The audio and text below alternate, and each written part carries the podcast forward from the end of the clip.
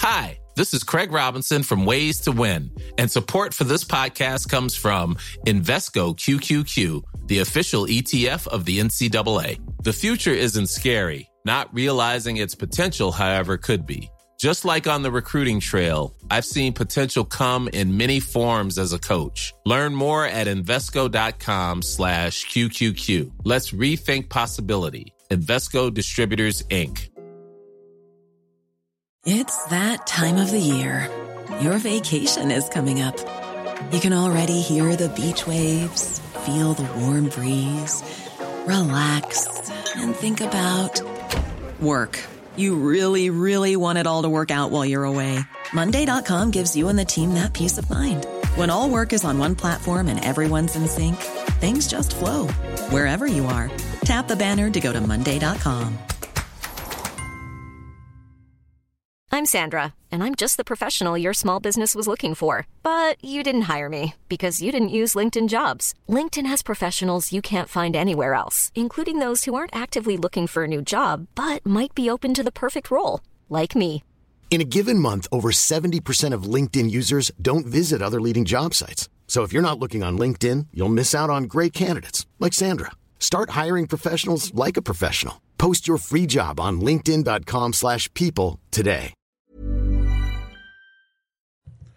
Palmemordet, ögonvittnen, sammanfattning. Jag heter Dan och mina källor idag är främst En iskall vind drog genom Sverige av Lars Borgnäs och Nationens fiende av Lars Larsson. Två böcker som varmt rekommenderas. Jag har framför mig ett Excel-dokument med alla de ögonvittnen vi har pratat om. Och när jag räknar samman det Excel-dokumentet så finns det 35 personer som såg någonting som relaterar till själva mordet. De var i närheten, de tittade dit när, absolut senast då, när andra skottet föll.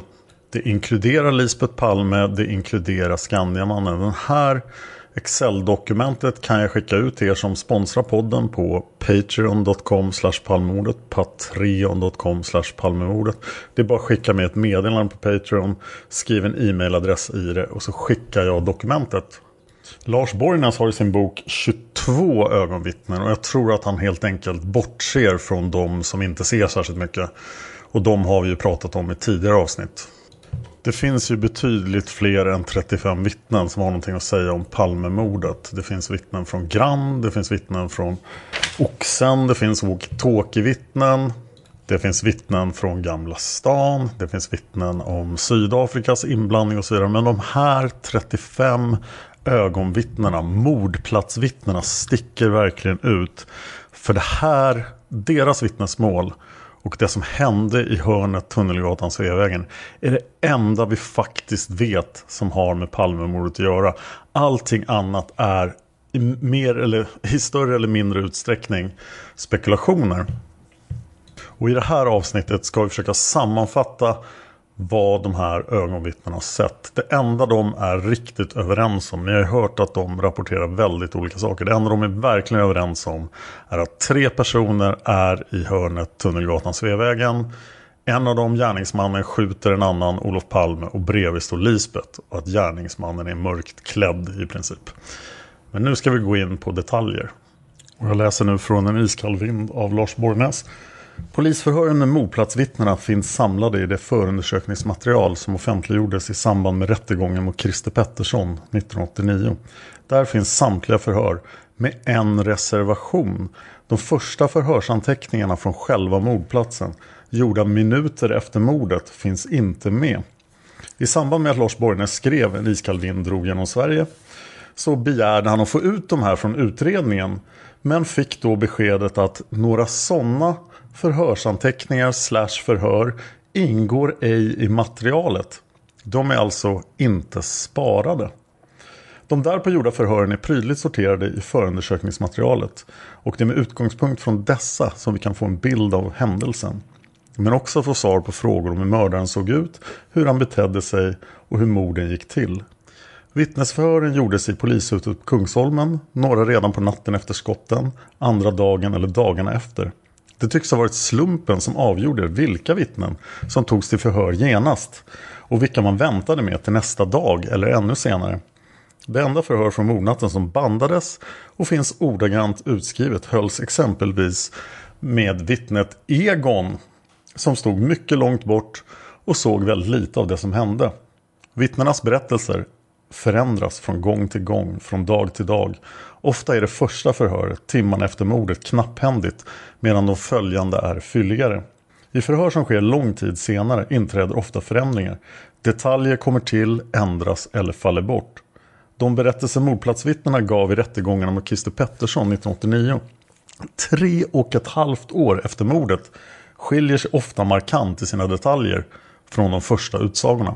Och vi vet ju att den första iakttagelsen är den viktigaste. Det återkommer gång på gång i vittnespsykologi att det vittnena säger i början är viktigare än det de säger åratal efteråt. Borgnäs fortsätter.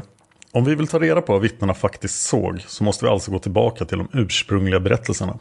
Minnet växer över tiden och det man läser, det man tänker på blir nytillskott. Det är svårt att bevara en händelse fri från påverkan. Det som tillkommer kan vara falska tillskott. Borgnäs pratade med en internationellt välkänd expert på vittnesmål som heter Gisli Gudjonsson. Eh, verksam vid Kings College i London och han blev intervjuad av Borgnäs 95 och eh, Gisli Gudjonsson sa det är ingen tvekan om att de första redogörelserna är de som sannolikt är mest pålitliga. Minnet är en färskvara. Detaljer som kläder eller hårfärg minns man i regel inte särskilt länge. Om det inte är något speciellt man lagt märke till i sammanhanget. Eller om man inte verkligen koncentrerat sig på just den detaljen eller varit särskilt intresserad av den. Men totalt sett är det den första berättelsen man kan lita på snarare än senare versioner då man har diskuterat saken, pratat med andra, läst och hört om händelsen och så vidare. När människor förhörs flera gånger har de en benägenhet att ändra eller fylla på sina berättelser över tiden. Eftersom de ibland tror att den förra berättelsen inte var tillräcklig eller inte stämde med det som polisen är ute efter. Oftast är sånt givetvis omedvetet. Ögonplatsvittnena, eller ögonvittnena, mordplatsvittnena är ju alltså i bilar som ni har märkt. Många av dem är bilar, många av dem är på andra sidan Sveavägen. Det är bara en person som är på rätt sida av Sveavägen. Och det är då Anders B strax bakom paret Palme. Plus Lisbeth då förstås. Men henne har vi ju pratat om. Lars Larsson säger i sin bok Nationens fiende. När man som lekman tittar på samtliga tillgängliga förhör av alla kända vittnen så måste man komma ihåg att bara en bråkdel av alla förhör är kända för allmänheten.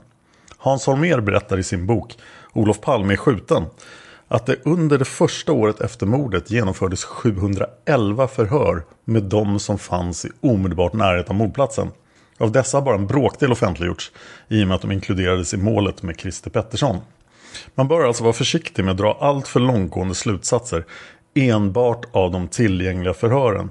Om man vill teckna en viss bild av ett skeende är det inte svårt att vinkla och vrida sanningen genom att utesluta faktan som talar emot den bild man vill visa.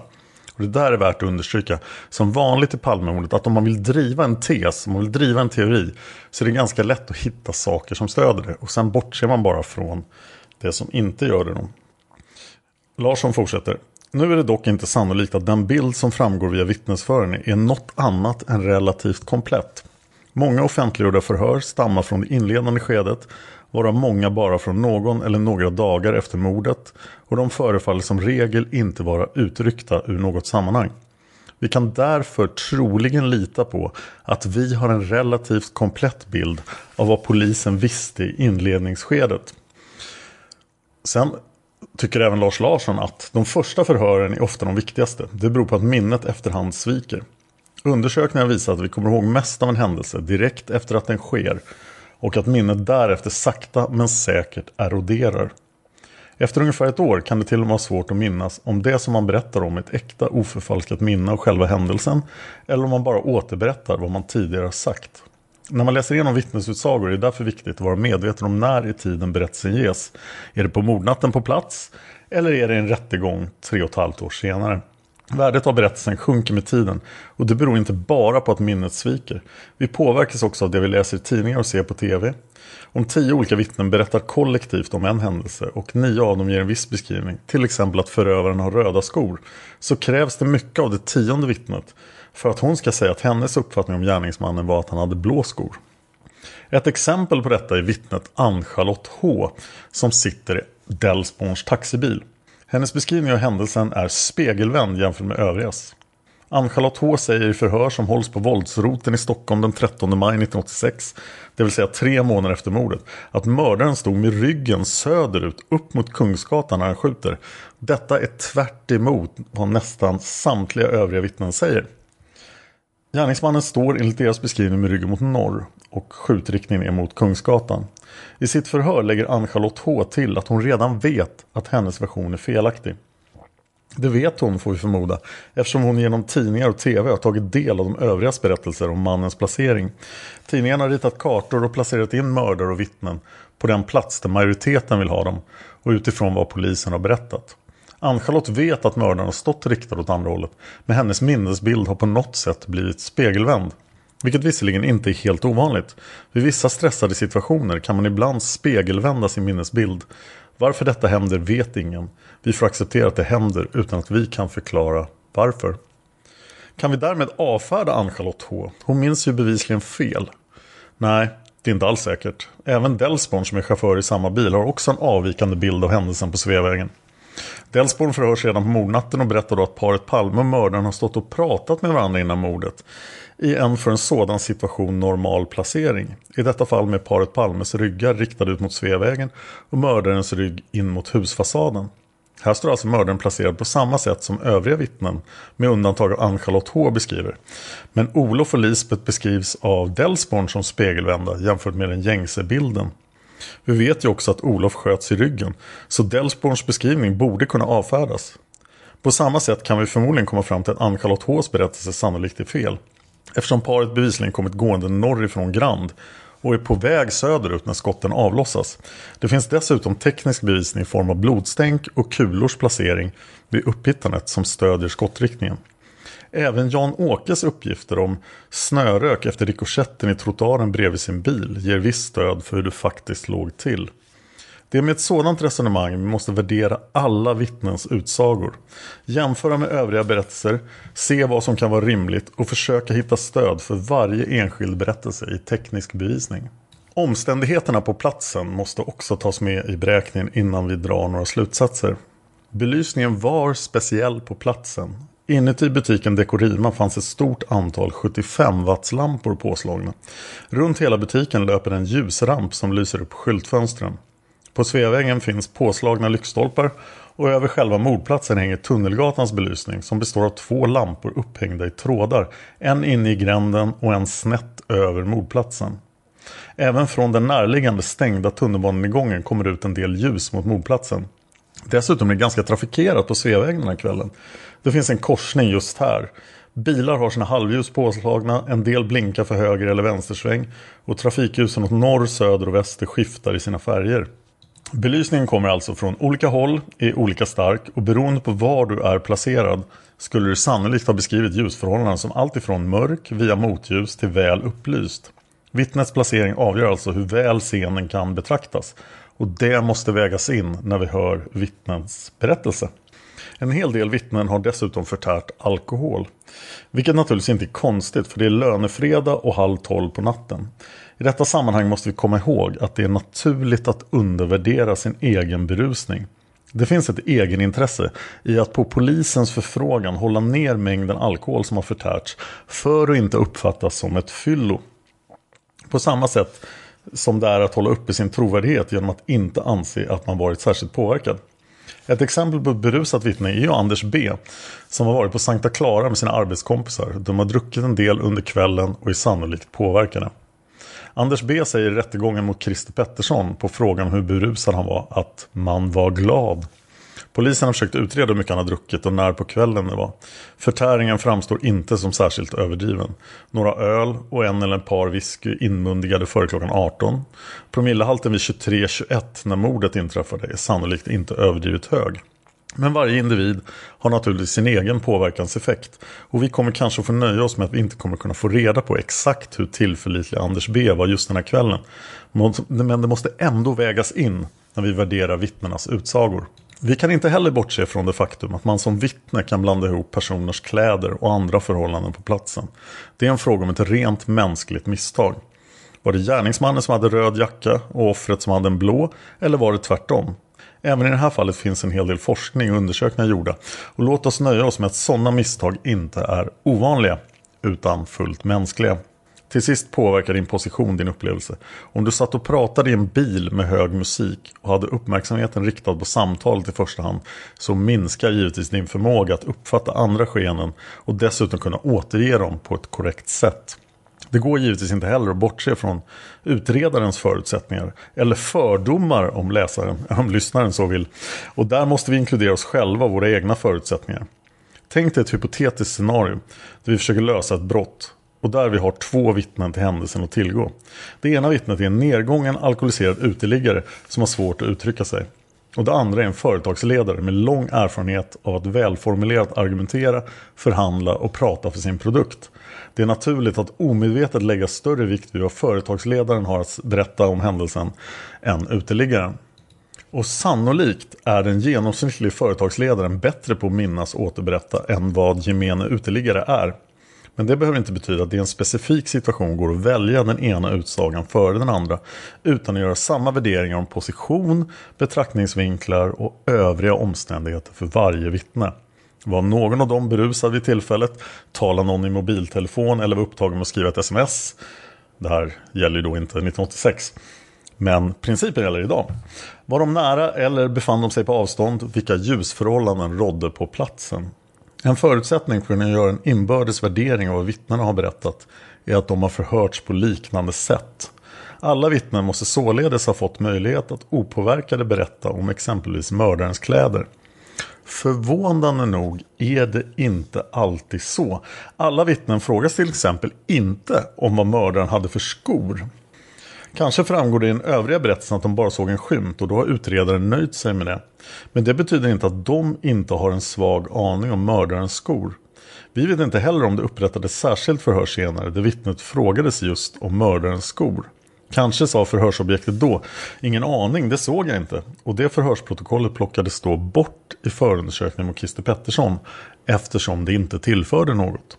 Faktum är att förhörens natur och innehåll skiftar ganska rejält mellan de olika vittnena. Och det finns en ganska naturlig förklaring till det. Direkt på mordnatten satte de första förhören igång. Vittnen kördes in i polisbilar till kriminalen och tillgänglig personal satte igång att förhöra vittnena. När kompletterande upplysningar skulle inhämtas några dagar senare var det som regel nya förhörsledare som genomförde förhören. 39 olika polismän har genomfört de 79 förhör som har släppts. 19 polismän har medverkat bara i ett enda vittnesförhör. Kanske var en strategi att polisen ville ha olika förhörsledare för att få fram olika vinklar. Kanske, men troligtvis inte. Lars Jonsson genomförde själv 14 förhör. Kanske var polisens strategi att Lars Jonsson skulle medverka med så vid så många förhör som möjligt, men att tiden inte räckte till. Som vi minns genomfördes 711 förhör bara under det första året med ögonvittnena. Och de är naturligtvis nog inte jämnt fördelade under 12 månader utan sannolikt med en stark övervikt mot tiden strax efter mordet. Underlagen är alltså i varierande kvalitet. För oss som analyserar mordet genom att titta på 31 år gamla förhör finns det inte mycket annat att göra än att konstatera att det är så här det är och vi får göra det bästa av situationen. Vi läser ibland nya tidningsintervjuer och böcker där författaren intervjuat vittnet på nytt efter dessa 30 år, eller 31 år idag då. Men värdet av de intervjuerna får anses vara begränsat. Vi kan inte veta om vittnet återberättar en minnesbild av själva mordet eller om det bara är en kopia av ett minne som bleknat för länge sedan.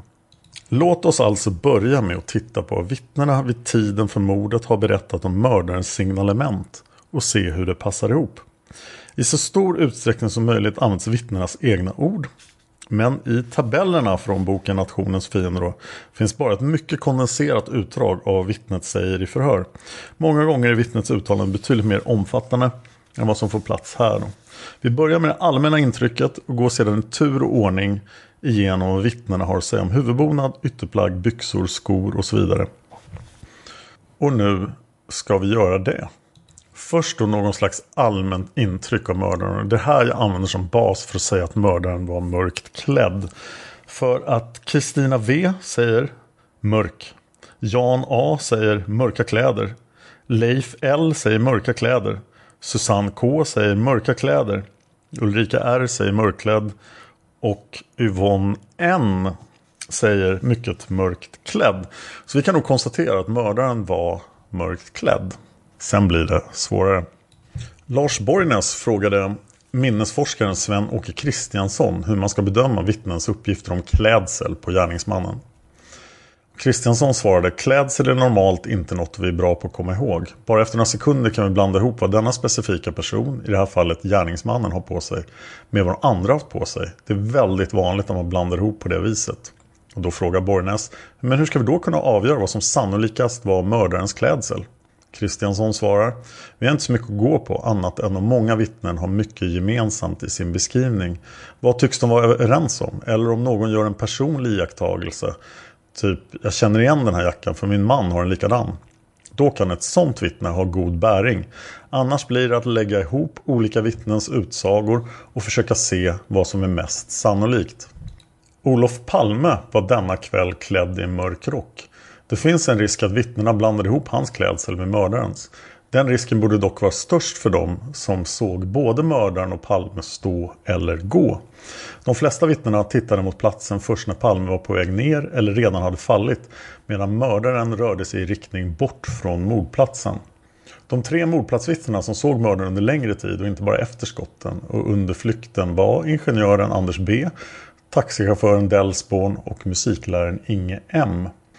Vi ska i och för sig minnas att Anders B var något onykter och Inge M satt på långt avstånd. Delsborn däremot satt nära. I protokollet står det Det som Delsborn uppfattade av mannens klädsel var att han hade en grå herrhatt samt en gråaktig ulster med svarta stänk. Ulsten var av normallängd. Av mannens ansikte uppfattade Delsborn inte något på grund av att hatten var långt neddragen över pannan. Borgnäs fortsätter när det gäller mördarens ytterplagg är grå eller mörk rock, kappa eller ulster den beskrivning som är oftast förekommande i mordplatsvittnenas första beskrivning. Den ges av 12 av de 16 mordplatsvittnen som, vittnen som säger sig uppfatta klädseln tillräckligt för att kunna beskriva den. Anders B som gick strax bakom paret Palme och mördaren sa i första förhöret att mördaren bar ett mörkt rockliknande plagg som gick ner till knäna.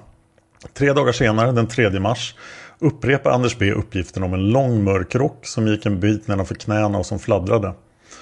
Men protokollet fortsätter. Anders B kan inte placera rocken på den person som gick in på Tunnelgatan. Den kan också ha varit på Olof Palme. Musikläraren Inge M som sitter tvärs över på Tunnelgatan och iakttar skenet både före och efter skotten beskriver mördarens klädsel som mörk rock, längre än jacka. Av övriga mordplatsvittnen som beskrivit klädseln är det anmärkningsvärt att flertalet kvinnliga vittnen också beskriver klädseln som en rock eller ett rockliknande plagg. Inges kvinnlig, en av Inges kvinnliga passagerare som just lämnat bankomaten och tittade till mot mordplatsen när skotten föll beskrev klädseln som en mörk halvlång rock. De tre, tre kvinnliga passagerarna i Delsborns taxi säger Mörka kläder från topp till tå. Det ser ut som att han har en lång rock på sig. Med sprunn typ så här. Det rör sig nere vid benen. En annan säger en mörk långrock kappa, längd cirka till knäna. Kappan rocken fladdrar till då personen avlägsnar sig. Och den tredje säger knälång rock i mörk färg. Färgen på rocken kan ha varit brun, svart eller grå. Bland de som såg mindre av mördaren eller bara såg honom efter skotten var beskrivningarna mer varierade. Egenföretagaren Leif L såg från sin rullande keva mördaren springa iväg iklädd ytterrock som inte gick ända ner till knäna och han tror inte att det rör sig om någon jacka. Hans passagerare menade att mördaren var mörkklädd, lång sladdrig rock, öppen fladdrande, sprang smidigt, var över 180 cm lång och inga övriga detaljer. Sjuksköterskestuderande Anna H sa att mördaren bar tre fjärdedels lång rock eller jacka. Några beskrivningar var avvikande. Ett vittne sa mörk jacka, snarare midjemodell än trekvarts lång. Och limousinföraren Jan N stod för den allra mest avvikande beskrivningen brun skinnjacka, ej ljus, ej mörk. Men vi ska syna vittnesmålen i mer detalj än så för att se exakt vad gärningsmannen har på sig enligt ögonvittnena. Och vi börjar på huvudet. Angående huvudbonad då så säger Anders B, 1 mars, mörk eller mörkblå stickad mössa som var ihoprullad ett par gånger. Och han håller sig någorlunda fast i det. Delsborn säger grå herrhatt som var långt neddragen över pannan första mars. Men den 14 mars kommer Sherlock Holmes-mössan. Blandning av herrhatt och Sherlock Holmes-mössa. Anna H säger barhuvad. Ann-Charlotte H säger mörkhårig eller något på huvudet.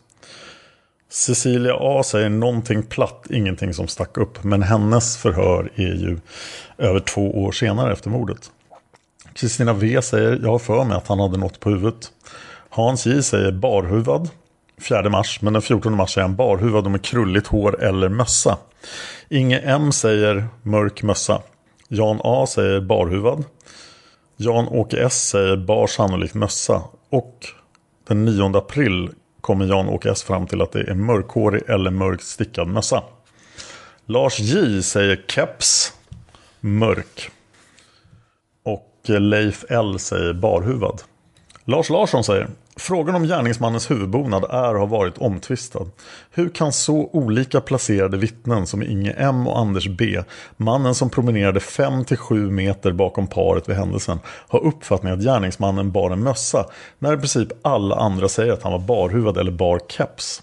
Anders B anger dessutom att det var en ribbstickad mössa. Just den informationen ges dock ett år efter de övriga och det finns därför skäl att vara försiktig med just den uppgiften. Delsborn, taxichauffören, är väldigt precis i sin beskrivning. Han säger en timme efter mordet att mördaren bar en grå herrhatt som var långt neddragen i pannan. Två veckor senare anger han att mördaren bar en blandning mellan Sherlock Holmes mössa och en vanlig grå herrhatt. Huruvida polisen har hållit ytterligare förhör med Delsborn där han fått välja ut en exakt modell bland en katalog av hattar framgår inte av förhören vi har tillgång till. Kanske gjorde man en sån så kallad hattkonfrontation eller så gjorde man det inte. Vi vet alltså att fyra personer tyckte att gärningsmannen var barhuvad, tre att han bar en mössa, två att han bar en keps och en att han bar en hatt. Med andra ord vet vi ingenting. Kanske står svaret att finna att mannen bar en mörk keps som var så neddragen att den vid en hastig blick liknade en mössa. Det var kallt vid tidpunkten, det blåste småsnålt och mördaren har anledning att använda sina persedlar på ett så maskerande sätt som möjligt. Kanske drog han ner kepsen så långt både bak till och i pannan att det för vissa såg ut som en mössa och för andra en keps. Medan det för vissa såg som man inte hade ut någonting alls på huvudet. Extra tilltro skulle vi förvisso kunna ge till Lars J, mannen på Luntmakargatan. Han såg gärningsmannen på nära håll och borde ha anledning att vara observant på den springande mannen. Han kunde inte blanda ihop honom med offret. Han visste flera sekunder innan att en man som just begått ett allvarligt brott skulle passera förbi. Och han tittade rakt på mördaren i flera sekunder. På samma sätt kan vi ge Delsborn extra tilltro. Detta för att han var bra placerad i sin bil bara några meter ifrån mordet, mitt i korsningen. Och han kan dessutom ge detaljer som ingen annan kan. Han liknar den vid en hatt som han har sett tidigare, en Sherlock Holmes-mössa. Vilket gör att det finns något för honom att hänga upp sin minnesbild på. Det är en sån detalj som gör att hans observation i detta fall förtjänar en något förhöjd tilltro. På samma sätt får vi ge Inge M minskad tilltro till sin bild. Han betraktar visserligen mördaren under en längre tid än de övriga. Men han befinner sig ganska långt ifrån och han har skarpt motljus från Dekorima och tunnelbaneuppgången och kan därför bara se mördaren i siluett. I den vinkeln kan han bara urskilja att gärningsmannen har någonting på huvudet men knappast vad. En keps neddragen över skulten som har formen av en mössa kan i det ljuset lätt misstas för en mössa. Att det förhöll sig på det viset understryker Lars J när han på ett detaljerat sätt beskriver hur kepsen såg ut. Så från Lars J's förhör då, förhörsledaren hade han en huvudbonad, Lars J keps. Förhörsledaren, han hade det. Lars J, det var någon liknande, någonting som liknade en keps i alla fall. För det blev, det dök upp i skallen att det var en keps. Som, som klart ord då. Förhörsledaren frågar, är du duktig på att rita? Lars J svarar, nej det är jag urdålig på. Förhörsledaren, jaha, men det är något kepsliknande. Lars, ja. Förhörsledaren, någon kepsliknande huvudbonad. Lars, ja. Förhörsledaren, vad var det för färg på den? Lars, mörk, mörk till svart då i så fall. Det ska nog vara mörk till svart. Förhörsledaren, kan du beskriva hur du uppfattade den här kepsen? Lars, kepsen, det var någon sån där låg. Förhörsledaren, den var ganska låg. Och Lars, ganska låg. Förhörsledaren, jaha. Och Lars, som jag ungefär, som om den följde huvudformen, ungefär så. Sen kommer vi då tillbaka till punkten, vad, vad har han på sig? Är det en rock eller en jacka? Eh, och då säger vittnena jag listar dem fort. Ahmed säger mörk, troligen svart, knälång rock. Anders B säger mörk, rockliknande plagg som gick till knäna, tjockare kvalitet, inte päls. Delsborn säger gråaktig ulster som jag pratade om. Anna H trekvartslång rock eller jacka. Ann-Charlotte H knälång rock i mörk färg. Cecilia A täckjacksaktig jacka i sitt förhör från 21 juni 1988. Charlotte L säger mörk, knäppt, lodenaktig, luddig kappa eller rock, knä eller vadlång med sprund, fladdrar 10-15 cm under knäna. Kristina V säger kappliknande, har för mig att det fladdrade lite grann. Hans J säger i alla sina förhör att det är en mörk jacka. Inge M säger mörk rock längre än jacka. Och han förtydligar sen i senare förhör, den 14 mars säger Inge M trekvartsrock, mörk, slutar strax ovanför knäna. Och den 8 april säger Ingem, mörk parkas, trekvartslång utan kapuschong.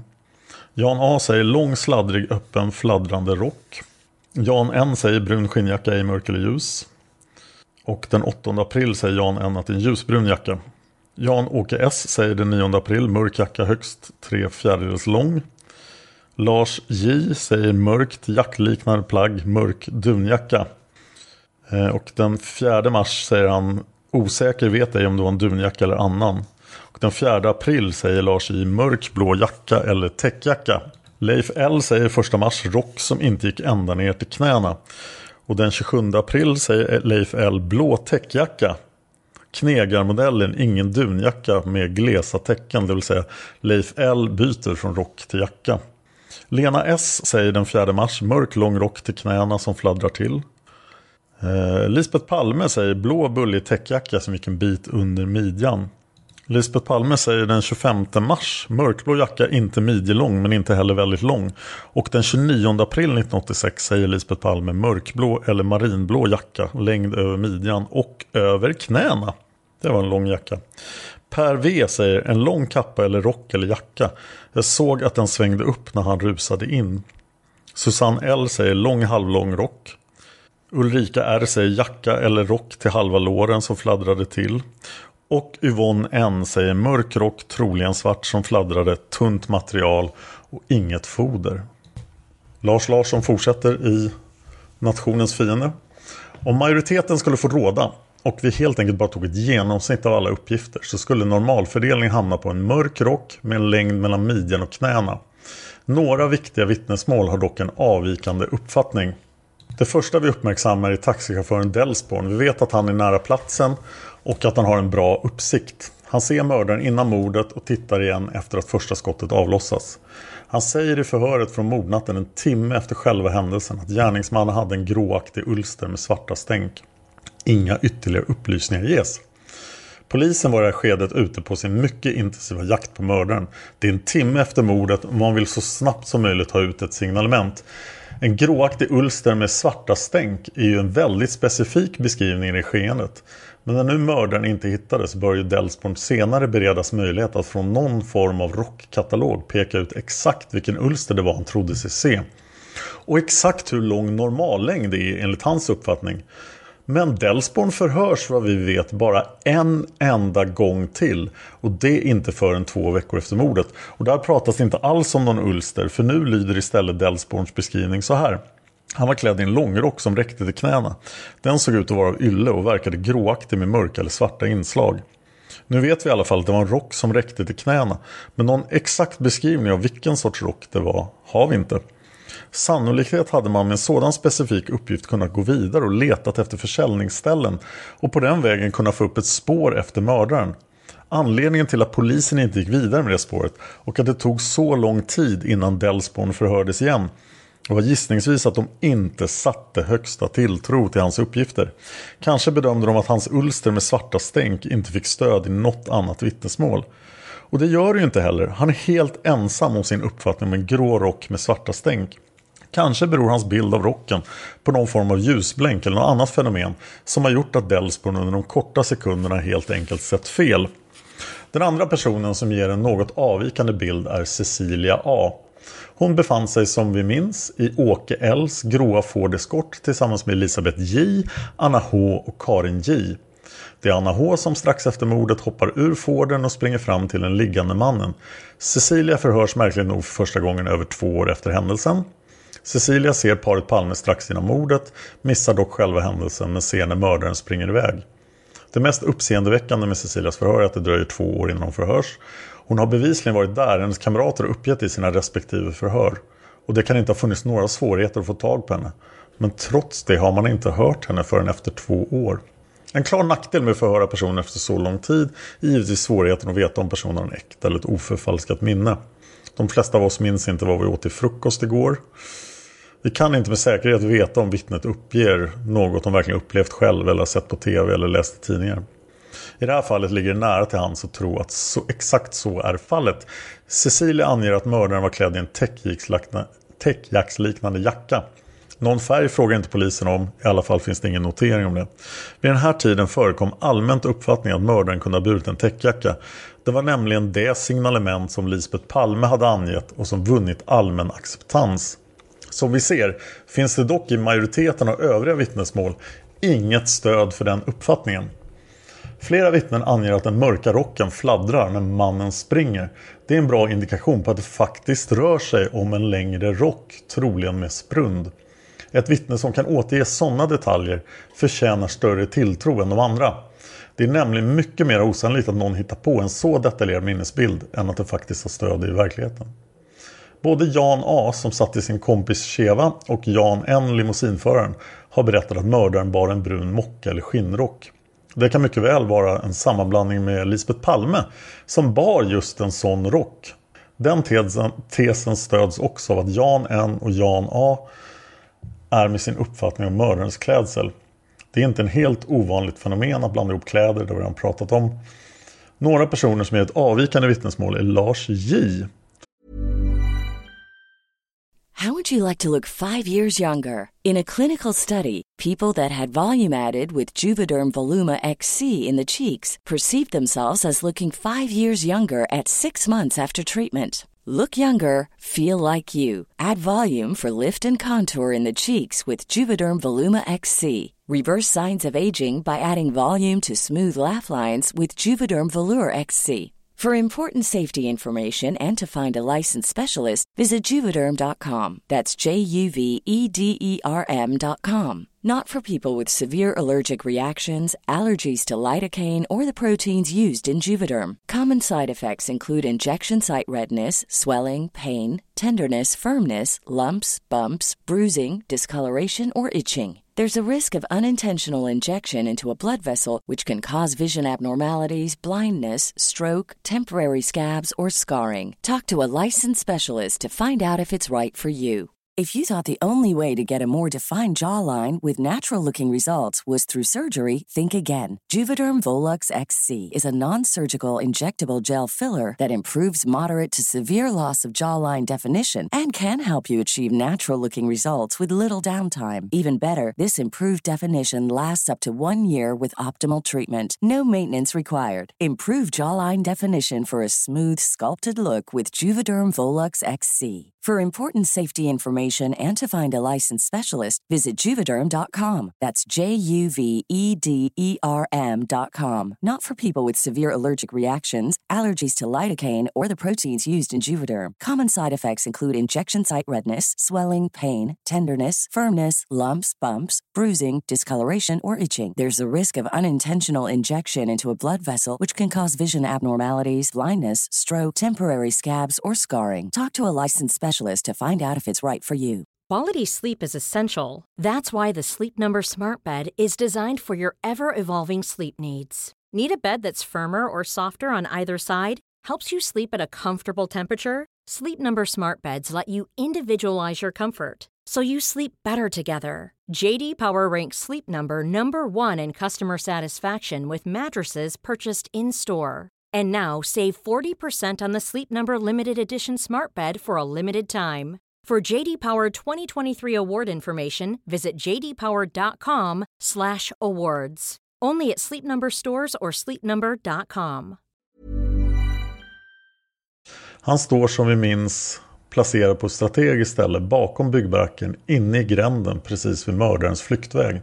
Här har han bra uppsikt och torde vara vårt bästa vittne.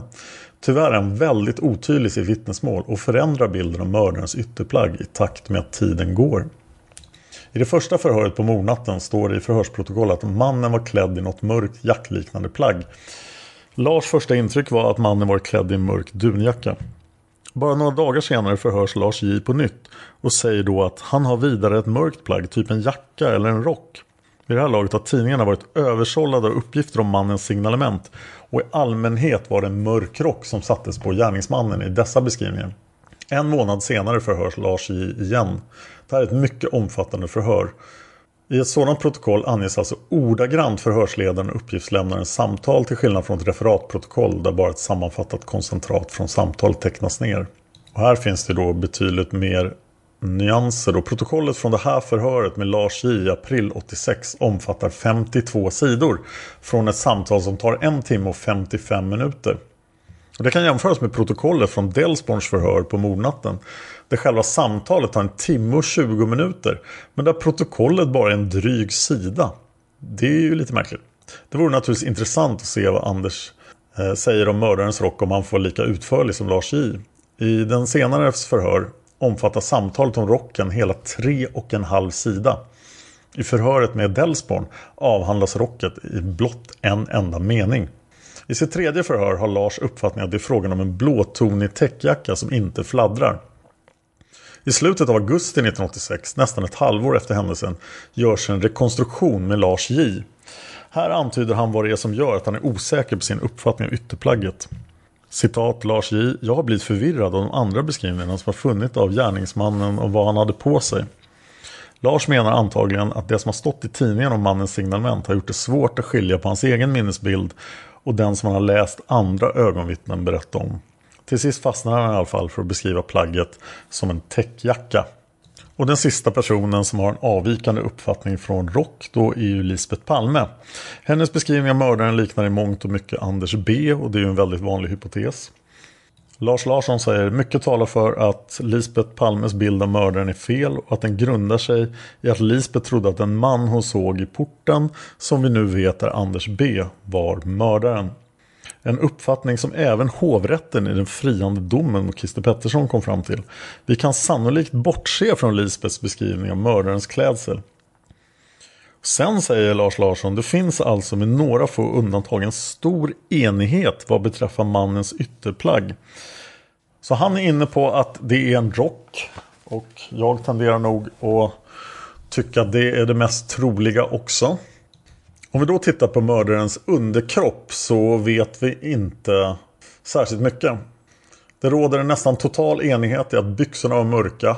De var inte onormalt vida och inte heller särskilt smala. Det finns ingen uppgift om fickor eller andra detaljer. Så, och det är allt vi vet om mördarens byxor. Då är det dags att titta på mördarens skor. Här finns mycket få uppgifter att tillgå. Att gärningsmannen hade skor är helt klart, men vilken sort? Bara fyra personer har lämnat upplysningar om skorna. Leif L, mannen i kevan, uppger att mannen hade lågskor. Han kan avgöra det baserat på att han ser hur ljuset faller på mannens anklar.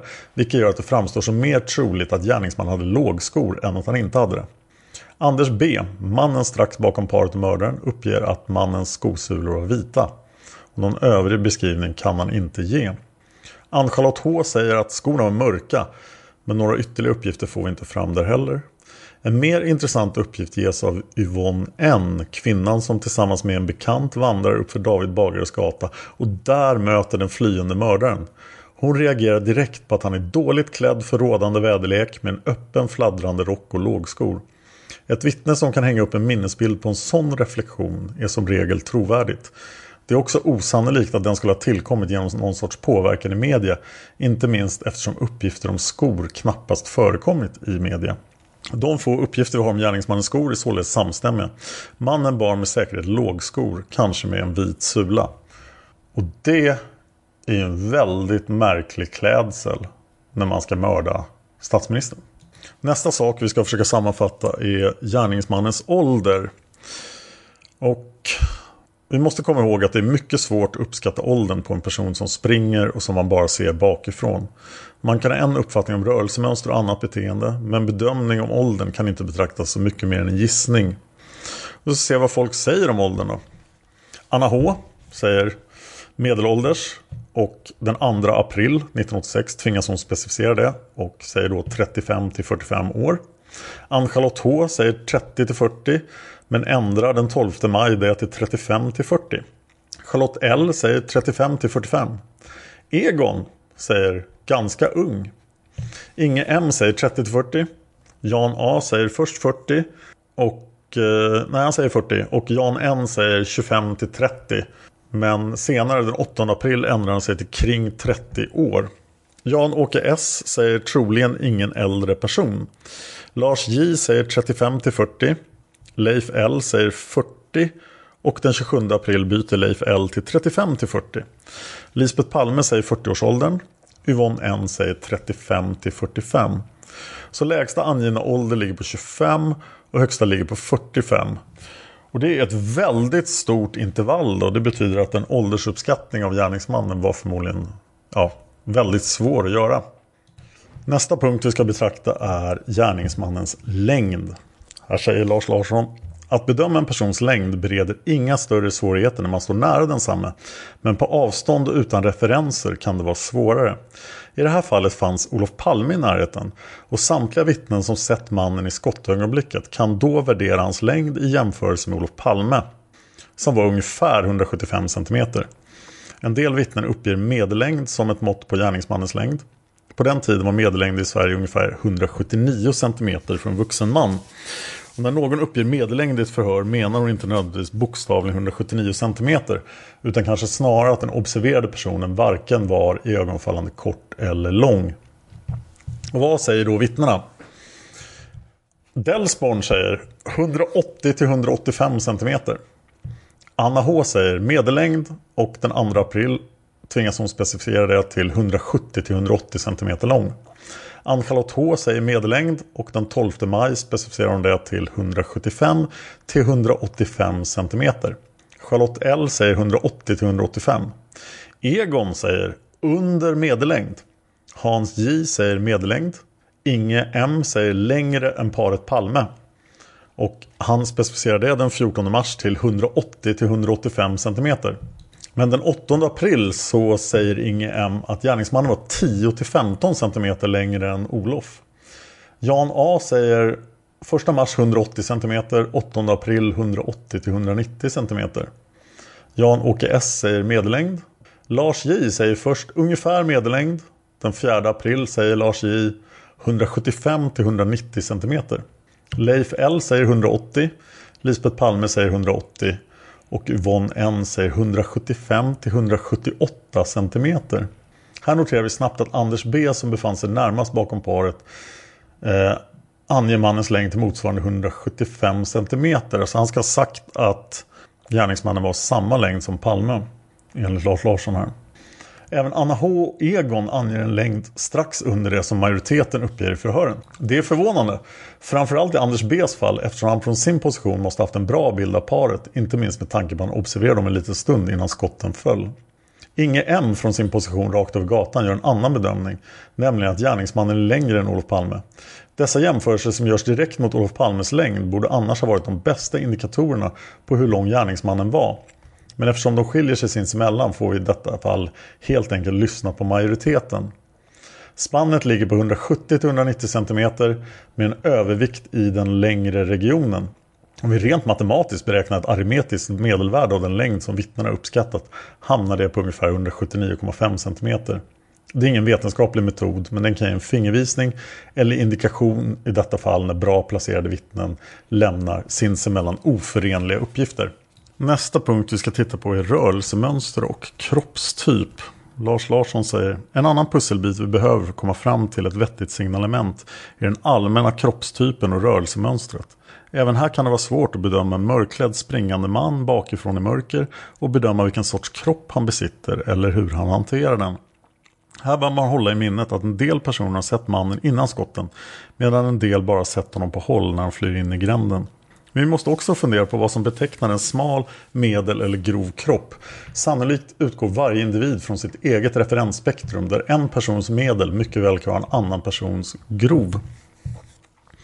Och då tittar vi på de specifika vittnena. Och då säger Anders B att kroppsbyggnaden är smidig, spänstig. Delsborn säger otydlig, otymplig, klumpig, stel, kraftigt byggd, bred ryggtavla. Anna H säger först bredaxlad och huvudet verkar för litet till kroppen. Sen säger Anna H den 2 april kraftig ryggtavla, normal kroppsbyggnad, bredaxlad, huvudet litet i förhållande till kroppen. Ann-Charlotte H säger mediär kroppsbyggnad. Eh, Cecilia A säger relativt smal. Charlotte L säger lite kraftigare. Egon säger klent byggd eller ganska smärt i alla fall. Egon har alltså sett en jätteliten gärningsman som är klent byggd. Det är intressant. Jan A säger att gärningsmannen var snarare smal än korpulent. Jan N säger ordinär kroppsbyggnad. Jan-Åke S säger normal kroppsbyggnad. Lars J säger i sitt första förhör tämligen kraftig över axlar och rygg. Sen säger han den 4 april bred ryggtavla.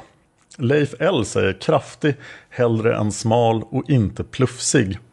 Senare den 27 april 86 säger Leif L ordinär och något påbyggd där uppe. Lisbeth Palme börjar med kompakt kropp med kort hals. Fortsätter med kort hals, kanske kan förklaras med uppdragna axlar. Lisbeth Palme säger den 25 mars kort hals, uppdragna axlar, kompakt. Lisbeth Palme säger den 29 april bred över axlarna men ger inget stort intryck. Yvonne N säger inte tjock, snarare satt eller grov. Lars Larsson fortsätter. Något förvånande ser vi direkt ett antal motstridiga uppgifter. Någon beskriver mannen som smidig och spänstig. En annan beskriver honom som klumpig och stel. Naturligtvis spelar egna preferenser in här, men så olika bedömningar borde man ändå inte göra under normala omständigheter. Rådande omständigheter kan dock inte betraktas som normala. Den allmänna uppfattningen verkar vara att mannen var något grov. Vi ser också en antydan till att det är något udda med mannens allmänna uppbyggnad. Anna H tycker att hans huvud verkar vara för liten för kroppen. Och Lisbeth påstår att han hade en kort hals. Leif L säger att han var påbyggd där uppe. Och Lars J noterar att han hade en bred ryggtavla. Två personer, Yvonne N och Leif L, anger att kroppsstorleken inte beror på att han var tjock. Om vi tillfälligtvis bortser från dem som anser att han har en ordinär kroppsbyggnad så finner vi tre vittnen som anser att gärningsmannen var klen. Och det är Egon, Cecilia A och Jan A. Vi tittar på dem i tur och ordning. Egon står ungefär 70 meter från själva händelsen. Och det måste vara oerhört svårt att på det avståndet, mitt i natten dessutom, ha en uppfattning om en mans kroppsbyggnad. Vi kan sannolikt bortse från detta vittne i det här fallet. När det gäller Cecilia A så måste vi tänka på att hennes första förhör hölls två och ett halvt år efter händelsen. Hennes vittnesmål bör därför värderas svagare än de som avges någon eller några dagar senare. Slutligen har vi då Jan A som sitter i sin kompis Leif Ls Cheva. Han har en relativt dålig position eftersom Leif parkerar så att en lyktstolpe skymmer en del av sikten. Han har dock en bild av gärningsmannen när gärningsmannen flyr bort och i förhöret säger Jan så här om mannens kroppsbyggnad. Förhörsledaren frågar Vad ska vi säga om kroppsbyggnaden? Sa vi någonting mer om det på den här som sprang från platsen? Jan A. Jag tror inte jag kan påstå att han liksom var korpulent utan snarare att han var smal. Och det tror du? Jan, ja, förhörsledaren. Det är svårt att säga kanske med hänsyn till att han eh, har Jan, ja med rocken. Men om jag ser på benen, formen på benen. Förhörsledaren, du får ett intryck att han inte är speciellt korpulent. Men det är osäkert alltså. Jan, ja. Jan A har alls inte fått någon specifik bild av själva kroppen utan gör en bedömning av den med ledning av hur benen ser ut och benen är smala. Övriga vittnen som bedömer mannen som ordinär eller medel är Ann-Charlotte H, Jan N och Jan-Åke S. Ann-Charlotte H är kvinnan som spegelvänder hela händelsen och placerar mannen med vapnet mot, med ryggen mot söder mot Kungsgatan. Hon säger i förhör den 3 mars att hon uppfattar mannen som var medellängd, kroppen som mediär och att den inte uppvisar några egenheter. Det är så nära ett vet ej-svar man rimligen kan komma. Jan N befinner sig i sin limousin och har passerat mordplatsen via en högersväng ner mot Kungsgatan när han ser mannen som springer iväg. Han ser honom inte rakt fram i vindrutan utan snett bakifrån räknat från den plats där han själv befinner sig. Han gör observationen efter att Anna H redan har kommit fram till Olof Palme. Mördaren befinner sig alltså på ett längre avstånd från vittnet än vad som är rimligt för att kunna göra en bra bedömning av kroppen. Vi kan sannolikt bortse från hans uppgifter vad gäller mördarens kropp. Jan-Åke S är placerad i bil mycket nära platsen och ser personerna på platsen framifrån. Han ser alltså på ganska nära håll gärningsmannen framifrån. Han kan tyvärr inte göra någon bedömning av mördarens ansikte, om han har glasögon eller skägg eller om han bar huvudbonad eller inte. Inte heller mannens ålder kan han bedöma. Jan-Åke S beskriver mannens kroppsbyggnad som normal och av medellängd. Det är annars ett av de allra bäst placerade vittnena, men uppenbarligen har han inte haft någon större uppmärksamhet på själva händelsen. Sen ska vi då betrakta gärningsmannens löpstil. Nu, Lars Larsson säger, nu närmar vi oss gränsen för vad som egentligen är meningsfullt att veta om mannen. Men kanske kan det finnas något som leder tanken åt det ena eller andra hållet. Vad säger då vittnena? Anders B säger, spänstiga steg, gick lugnt därifrån. Delsborn säger, sprang inte med en yngre mans vighet utan något långsamt i steget. Och i sitt andra förhör säger Delsborn, inte särskilt snabbt. Anna H säger, gärningsmannen sprang snabbt med bestämda målmedvetna steg som att han visste var han skulle. Men tungt och inte någon sprinter och ingen utövad teknik. Ann-Charlotte H sa snabbare än joggning. Cecilia A sa gick med långa steg. Egon säger sprang lite krokigt eller lite böjd framåt. Rörde sig smidigt. Hans J säger först kutar iväg i full fart. Och den 15 oktober 1986 säger Hans J ovan löpare som rullade med kroppen. Sprang som en elefant, helt unik stil, armarna framför sig och det gick inte fort. Jan A säger i sitt första förhör rusade, sprang smidigt. 8 april säger Jan A spänstigt och långa steg. Jan N säger sprang som fan. Jan-Åke S säger först spänstigt och sedan snabbt. Lars J säger Gärningsmannen sprang snabbt som man hade bråttom, tungt, något framåtlutad. Senare den 27 augusti säger Lars J något framåtlutad med hopkurade axlar. Leif L säger 27 april. Lunkade iväg med breda steg och klumpigt beteende. Lisbeth Palme säger 29 april spänstig, vältränad. Yvonne N säger i sitt förhör 2 mars. Det verkade som att det var jobbigt för honom att springa. Sen säger hon den 4 mars hade vissa svårigheter att springa. Antingen dålig kondition eller av annan orsak. Och det här kan ju förefalla svåranalyserat. Vi hittar allt från gick lugnt till sprang som fan. Men låt oss titta på de som gjort bedömningen att det gick långsamt. Anders B såg egentligen inte mördarens flykt alls. Han såg bara mannen när han befann sig på mordplatsen och när han tog två steg därifrån. Alltså egentligen innan han började springa. Sen skymdes resterande delen av flykten av Skandihuset eftersom Anders B gömde sig i dörrnischen. Delsborn kan inte heller ha sett mer än bara den första delen av mannens flykt.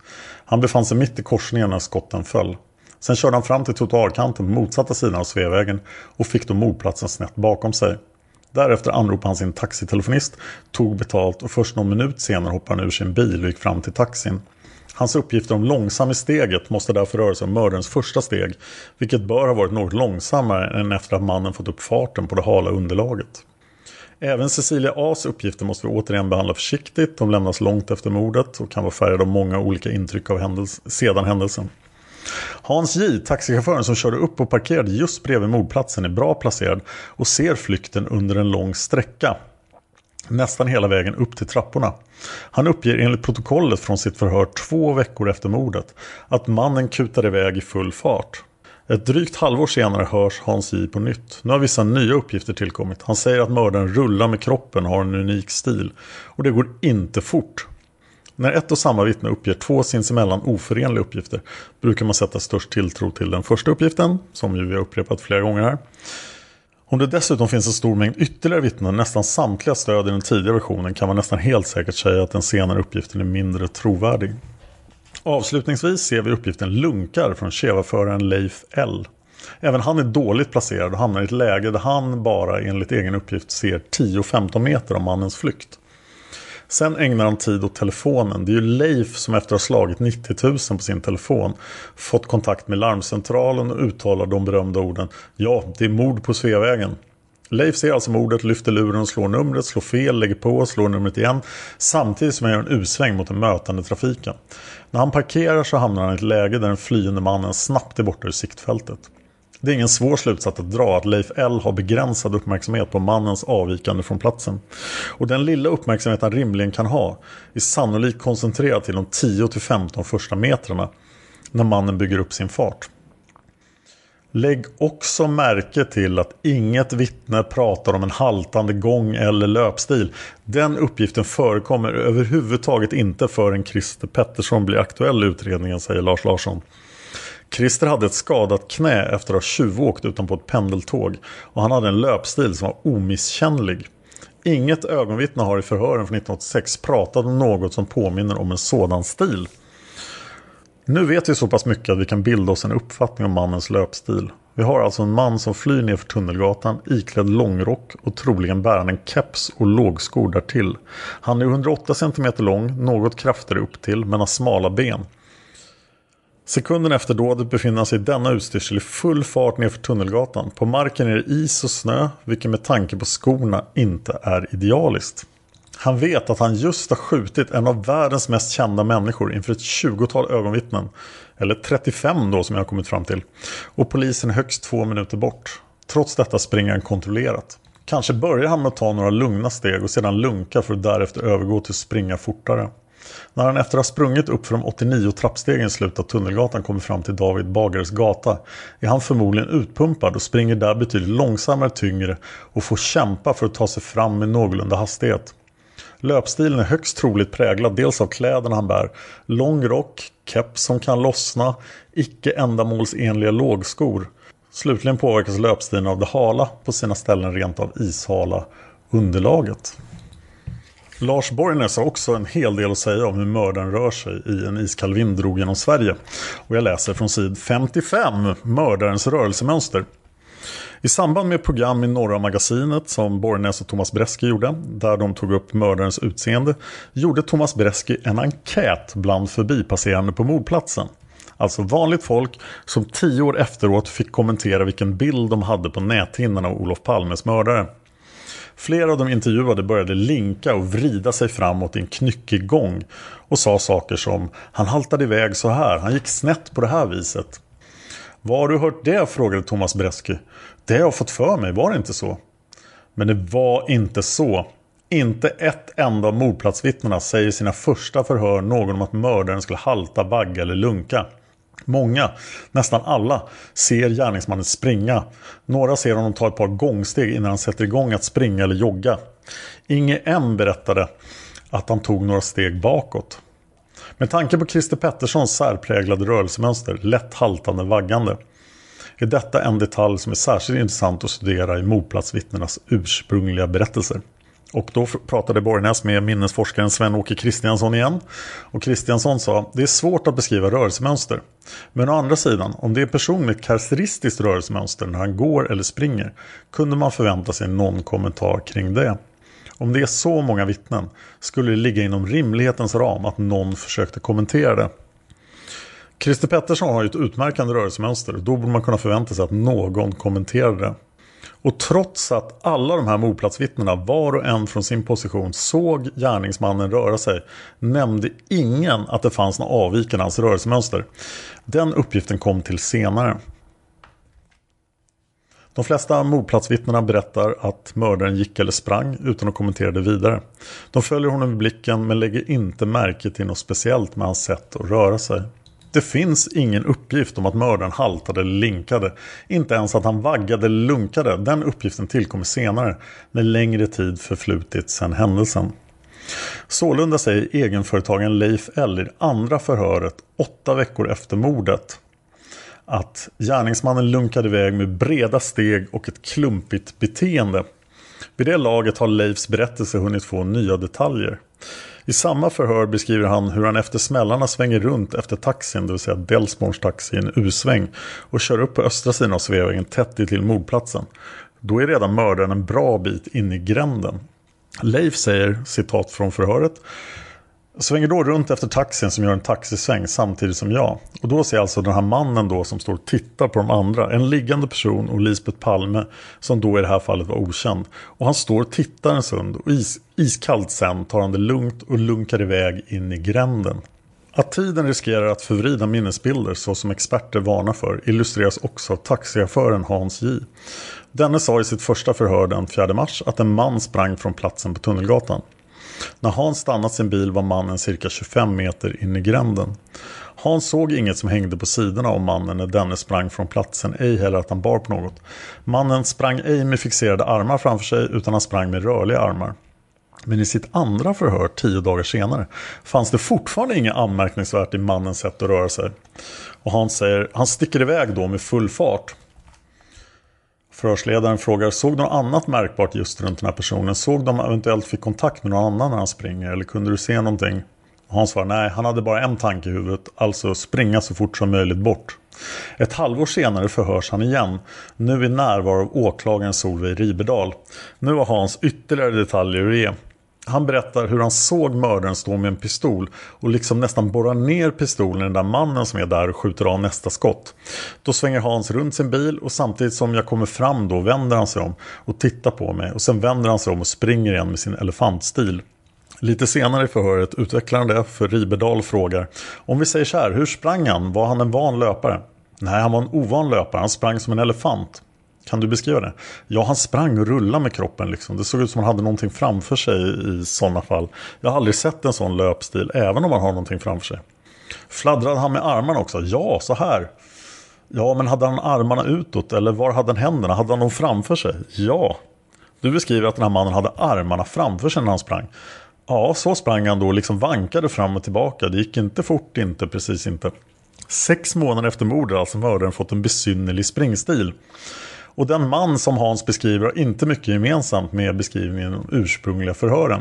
Och Lars Borgnäs tog frågan till minnesforskaren Sven-Åke Kristiansson som kommenterade skulle det vara så att han hade uppfattat det skulle det ha funnits med i de första förhör. Det skulle ha varit det som han hade haft som en slags hållhake över sitt minne. Och då måste man kolla upp varför han inte rapporterade det inledningsvis. Det måste finnas en bra förklaring. Annars kan det vara mycket väl vara så att minnet är konstruerat utifrån andra informationskällor än den egna upplevelsen. Han kan ha snappat upp det utan att vara medveten om det. Så att han inte vet vad källan är. Man måste alltså gå tillbaka till de första förhören. För mig framstår det som mindre tillförlitligt när man lägger till unik information sådär i efterhand.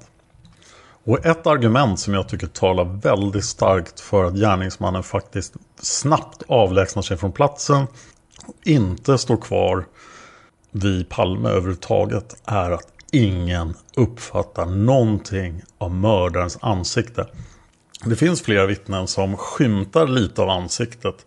Lars J, Yvonne N och några till. Men de kan inte beskriva en enda detalj ur ansiktet. Och är inte det märkligt? Lars Larsson säger i sin bok då Nationens fiende. När det gäller mördarens ansikte så finns det mycket och lite att gå på. Bara ett ytterst litet antal personer uppger sig ha sett något av mördarens ansikte. Det handlar då om en skymt av en haka eller en vag uppfattning om någon del av ansiktet. Ett undantag kan vara värt att nämna och det är Lisbeth Palme som anger att hon har sett mördaren i ansiktet. Lisbeth beskriver ganska detaljerat ansiktsdragen på en man som hon är övertygad om är mördaren. Men vi har som tidigare diskuterat anledning att tro att det faktiskt är en annan person som hon beskriver. Det finns trots allt en möjlighet att det faktiskt är mördaren som Lisbeth har fått en skymt av. Den man som Lisbeth beskriver saknar skägg, vilket Anders B, som det har argumenterats för egentligen är en man som Lisbeth misstar för mördaren, hade skägg vid tiden för mordet. En detalj som i ljuset av hennes i övrigt mycket detaljerade beskrivning vore egendomlig att missa. Lisbeth har i samtal med polisen den 25 mars följande att berätta om mördarens ansikte. Gärningsmannen har stirrande blick, ljus blick. Kindknotorna är liksom bulliga. Han har vit överläpp, kort hals, uppdragna axlar, ett kompakt utseende. En månad senare, den 29 april, berättar Lisbeth utförligare för polisen om gärningsmannens anletsdrag. Han har en intensivt stirrande blick. Han har smala tunna läppar och ljus platt överläpp. Han har en rak panna med raka ögonbryn. Samt ett rektangulärt och stelt stirrande ansikte. Med kraftigt något framskjutet hakparti och markerade kindsidor. Lars Larsson fortsätter. Detta är inte en beskrivning av Anders B. Mycket talar för att Lisbeth omedelbart efter skotten har sett först Anders B och hans klädsel och något senare mördaren rakt i ansiktet när han tittar på paret och bestämmer sig för att springa iväg. På något sätt har det här sedan kombinerats och utvecklats till hennes beskrivning av mördaren. Hur det är med den saken kan vi inte säkert veta. Men låt oss för tillfället nöja oss med att konstatera att det för mördarens ansikte bara finns fragmentariska brottstycken samt en detaljerad men högst osäker beskrivning. Det finns en annan märklig detalj. Det förekommer ett vapen. Och eh, vi har alltså de här 35 personerna som tittar dit. Och bara två av dem kan beskriva någonting om vapnet. Trots att just att titta på vapnet är någonting som kallas för vapenreflexen. Att folk tittar på gärningsmannens händer vid ett allvarligt brott. Det är bara Delsborn och Ann-Charlotte H som ser någonting av vapnet. Ann-Charlotte säger i första förhöret den 3 mars att hon såg konturerna av mördaren och vapnet. Vapnet var en Magnum Bonum. Vapnet är lite större än vanliga pistoler och revolvrar enligt Ann-Charlottes uppfattning. Och så sa hon också gärningsmannen var högerhänt och stoppade vapnet innanför rocken på dess vänstra sida. Men när hon hörs om det så har spaningsledaren länspolismästare Hans Holmér redan visat upp Magnum-revolver i tv och en gång för alla förklarat hur vapnet såg ut. Hade Ann-Charlotte sett det och påverkades hon av det? Vid det andra förhöret som hölls först tio veckor senare den 13 maj svävar hon på målet när hon ska beskriva det som mördaren hade i handen. Det kan ju i och för sig ha varit en handske, det kan inte jag svära på. På förhörsledarens fråga säger hon att föremålet var totalt ungefär 20 cm långt men några andra detaljer kan hon inte ge. Delsborn tycks med större säkerhet ha sett vapnet, säger Lars Borgnäs i en iskall vind drog genom Sverige. Klockan 20 minuter efter midnatt, en knapp timme efter mordet, sitter Delsborn i sitt första förhör. Och där står det bland annat Vapnet uppfattade Delsborn som ett vapen med ovanligt lång pipa, typ kolt. Detta utgör det enda konkreta beskrivningen av mordvapnet i hela mordutredningen. Inte heller Lisbeth Palme såg någonting av revolven. Och trots att Delsborn var den enda som med någon säkerhet kunde beskriva vapnet så gav han inte vidare tillfälle att göra det. Följande frågor ställdes exempelvis aldrig till Delsborn av protokollen att döma. Vad menar han med ovanligt lång pipa? Hur lång var pipan? Varför nämnde han just kolt? Såg han något av kolven? Höll mördaren vapnet med böjd eller rak arm? Och hur riktades pipan?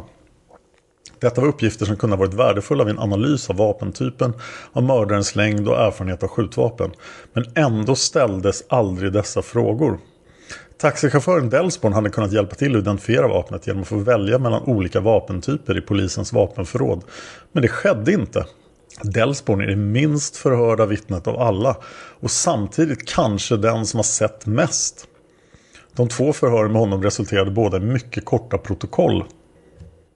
Även granskningskommissionen har gjort ett försök att sammanställa signalementet. De säger att antalet ögonvittnen är fler än 25. Och det här signalementet som granskningskommissionen kommer fram till är ju intressant för att de har ju möjligtvis tillgång till förhör som inte vi kan läsa. Så gärningsmannens signalement från granskningskommissionen Uppgifter från målsägande och vittnen samt undersökningar som gjorts av SQL och Palmeutredningen gemensamt visar att mordet begicks av en man som var över 175 cm lång men inte längre än cirka 190 cm. Han bar en mörk jacka eller rock, det vill säga längre jacka eller kortare rock. Uppgifter från vittnen på mordplatsen ger i övrigt följande bidrag till signalementet. Längd de vittnesuppgifter som lämnas under rättegångarna mot Christer Pettersson gör det antagligt att gärningsmannen var ungefär 180-185 cm lång. Ålder. Vittnena har inte beskrivit gärningsmannen som vare sig yngre eller äldre. Det är troligt att han var mellan 30 och 50 år gammal. Huvudbonad. Uppgiften om att gärningsmannen var barhuvad eh, men också uppgifter om att han hade keps eller någon form av mössa och uppgifterna går isär. Ansikte och hår. Inget av vittnena på mordplatsen har kunnat lämna upplysningar om gärningsmannens anletsdrag. Förutom från målsäganden saknas det därför uppgifter från brottsplatsen om hur gärningsmannens ansikte såg ut. Rörelsemönster. Vittnen har beskrivit mannens rörelsemönster som lunkande, klumpigt, haltande, rullande som en elefant, smidigt som en stor björn. Sen finns en intressant parentes på slutet här. Det har aldrig hållits något ingående signalementsförhör med Lisbeth Palme. I vart fall har uppgifter av det slaget inte dokumenterats. De uppgifter som hon lämnat om gärningsmannens utseende framkom successivt. Den första tiden efter mordet hade hon ingen distinkt minnesbild av gärningsmannen. Lisbeth Palme har sedermera pekat ut den 1989 åtalade Christer Pettersson som gärningsman. Svea hovrätt ansåg inte att utpekandet räckte för slutsatsen att det bortom rimligt tvivel var styrkt att Christer Pettersson var gärningsmannen. Och där tror jag vi är nöjda. Jag tror inte vi kommer längre. Ni har nu en ganska bra bild av gärningsmannen från det vi vet. Palmemordet finns på Facebook och Youtube. På Youtube har jag även lagt upp en hel del filmer från Palmevandringen som var den 28 februari 2017. Jag finns på Twitter som Dan Horning. Jag finns även på Youtube som Dan Hörning. Jag vill hemskt gärna ha iTunes-recensioner på den här podden om ni lyssnar på en Apple-plattform. Och nu är alltså ögonvittnesavsluten slut. Avsnitten slut. Och nästa gång ska vi ta oss an ett spår igen. Want flexibility? Take yoga. Want flexibility with your health insurance? Check out United Healthcare Insurance Plans. Underwritten by Golden Rule Insurance Company, they offer flexible, budget friendly medical, dental, and vision coverage that may be right for you. More at uh1.com. Planning for your next trip? Elevate your travel style with Quince. Quince has all the jet setting essentials you'll want for your next getaway, like European linen, premium luggage options, buttery soft Italian leather bags, and so much more. And is all priced at 50 to 80% less than similar brands. Plus, Quince only works with factories that use safe and ethical manufacturing practices. Pack your bags with high-quality essentials you'll be wearing for vacations to come with Quince. Go to quince.com/pack for free shipping and 365-day returns. A lot can happen in three years, like a chatbot may be your new best friend. But what won't change? Needing health insurance. United Healthcare Tri Term Medical Plans, underwritten by Golden Rule Insurance Company, offer flexible, budget friendly coverage that lasts nearly three years in some states. Learn more at uh1.com.